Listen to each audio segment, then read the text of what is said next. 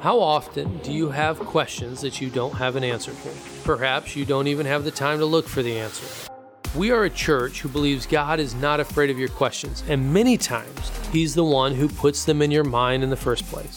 This podcast, like our church, is designed to help answer those questions, hear the perspectives of others, and create a space in which we can live, move, and be together. We look forward to sharing our perspectives and trying to answer some bothering questions. This is our series through the book of Ephesians, and the question today is what does it mean to experience the true life? Welcome to the third podcast in our series going through the book of Ephesians. As we've been going through the book of Ephesians for the last couple of weeks, I want to take a moment here at the beginning just to kind of remind you of the bigger picture, uh, the overview, and really why Paul is writing this book. Uh, it's easy to go piece by piece, portion by portion, and to lose sight of kind of a larger theme. And as we go into chapter two today, it's important to keep in mind who he's writing it to and why. So, Paul had been writing this book to the churches that were scattered around uh, Asia Minor. It ended up in the city of Ephesus, and that's where we get its name, Book of Ephesians, or the list to Ephesians, a letter to Ephesians. This is a great uh, passage, and really what Paul is spending a lot of time doing is helping us understand the gospel as being found in the person of Christ, that our salvation comes through Christ. Um, he really helps the believers understand where salvation is found and then how it's lived out. So the book itself is kind of divided into three clear portions. You have the first three chapters, which is really looking at Christ, uh, the gospel, salvation, uh, phrases like, by grace you have been saved, not from yourself. And then you have the last three chapters that really shows you practically how do you live this out in the context of a community. Paul's vision uh, for the church is the same as that of Christ, which was he's creating a family, this new family, this new community that is living out the teachings of Christ. And so, a lot of times, Paul uses even phrases like uh, brother, sister, these kind of familial words. I want to kind of emphasize something as we make our way into chapter two. One of the things you may have noticed in your reading is there's times when he refers to things like us and you. He has almost these two groups of people. And these two groups of people are really important for us to understand as we go into chapter two, especially in chapter two. And the two groups of people that Paul is talking about here is the Jews and the Gentiles. The Christianity was and still is a Jewish movement. It came from the context of these Jewish followers of the Messiah, followers of God, who came in contact with the Messiah and began to believe in him. And so, what was happening is that it was beginning to spread throughout Judaism. And it was almost viewed as a cult because, in the context of the greater religion of Judaism, you had this group or this sect of people that were saying, hey, Jesus is the Messiah. And so these Jewish people are beginning to pull away from uh, religion in the context of Judaism to now seeing Christ is really the Messiah. Paul speaks into this a lot in his writings. He's constantly reminding his readers the balance between Judaism and this new form, which we call Christianity. And when he's looking here in chapter one, he's talking about those who were chosen, those who were predestined. He says these were the Jewish people that God had looked out and he selected Abraham, and out of Abraham, this people came. God, through Christ, is going to expand his family into all the nations of the world. And he was going to take these groups of people, uh, Jewish people, to go into all the corners of the world and to preach the gospel and to make disciples of all nations that's really important for us to understand because as we get into chapter two, we're going to see some phrases that is going to kind of compare the Jewish and the Gentile nations. And I also believe it's important because when we talk about themes like predestined, I think that it's important to understand who and what Paul is actually referring to. As we get into chapter two, I'm going to start reading right now chapter 2, verses 1 through 10, and we're just going to take the first part of this book.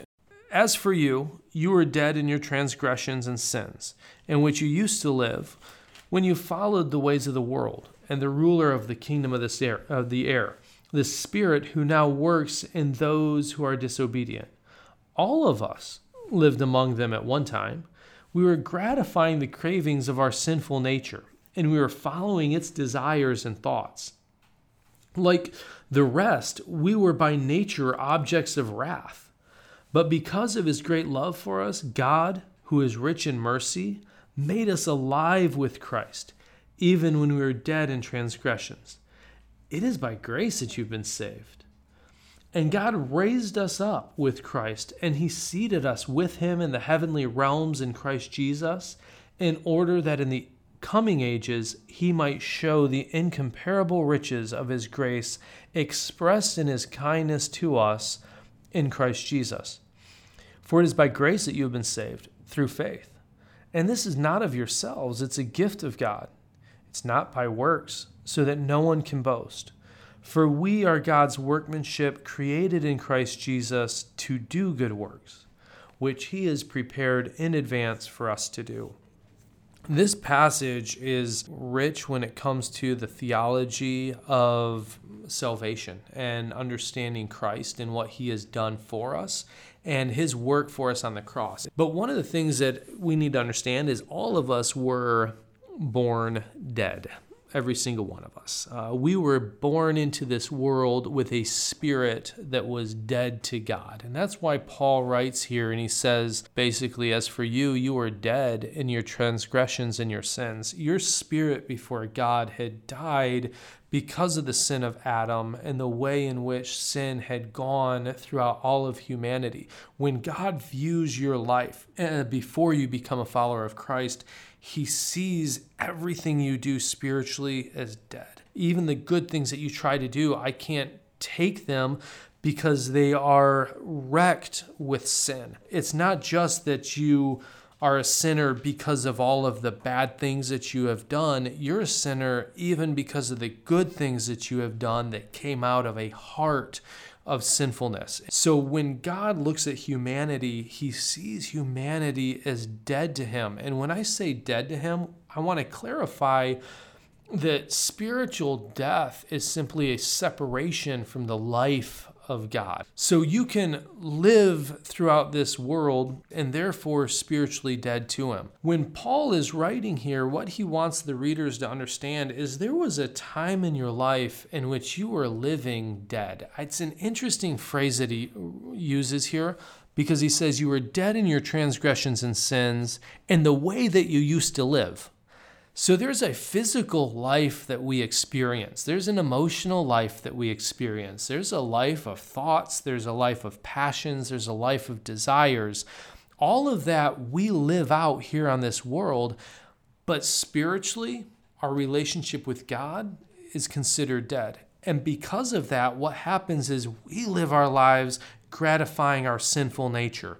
We take the things that we want to do, the desires that we want to do, and then we just live those out however we want.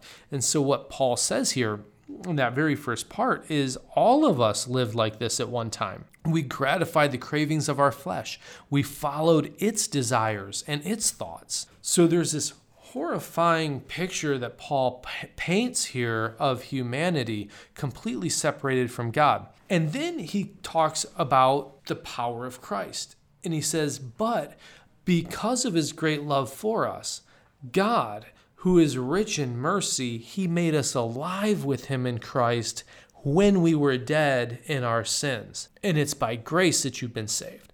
Paul wants you to understand a couple of things. One, that God loves you he has mercy, and because he's rich in mercy and has great love, what he has done is stepped in and he made you alive at that moment that you came to Christ, gave you that spiritual connection back to God. He says it's because of Christ that you've been made alive, not because of yourself. Dead people can't do much. There's nothing really a dead person can do. You had to have somebody step in and start a work, and that person was Christ who came in and who made us alive. What for? Why were you given this new life? Why were you created for this? He says, to do good works which God prepared in advance for us to do. God has looked at Wilanów and He has determined that there are things that you and I are called to do. And He is going to use us as a church and as individuals to fulfill His will by working out these works that He has already established for us.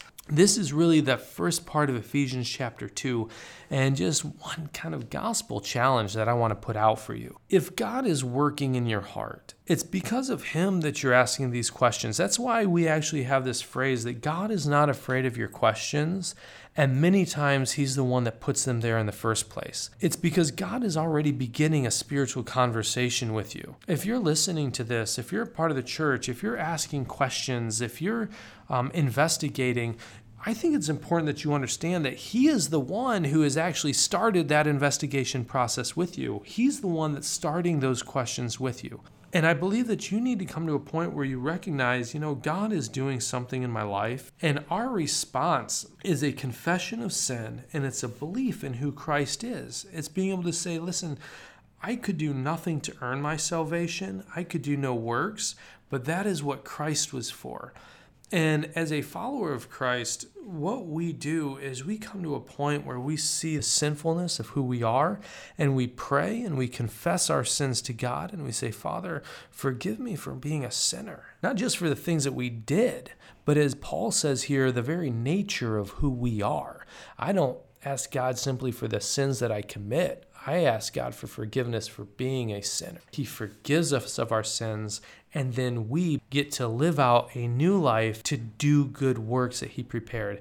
That's the process of the Christian life. That's the process of the life that God has designed for you to experience. So, my hope and our hope as a church is that your heart will be touched and initiated by a God into a spiritual relationship where He can begin to move you then into the purpose and the plan that He has for you.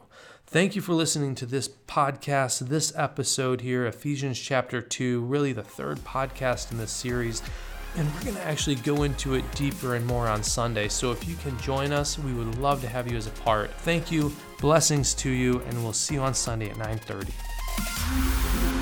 Thank you for listening and wrestling with this week's question. Hopefully, you're now asking more questions than you did at the beginning. As always, if you loved it, then like it, subscribe, share it with others. Check us online at schvilano.pl. We would love to have you join us on Sunday mornings at 9:30 to go deeper with this question and to share your own perspectives. So live, move, and be, and never stop sharing your bothering questions.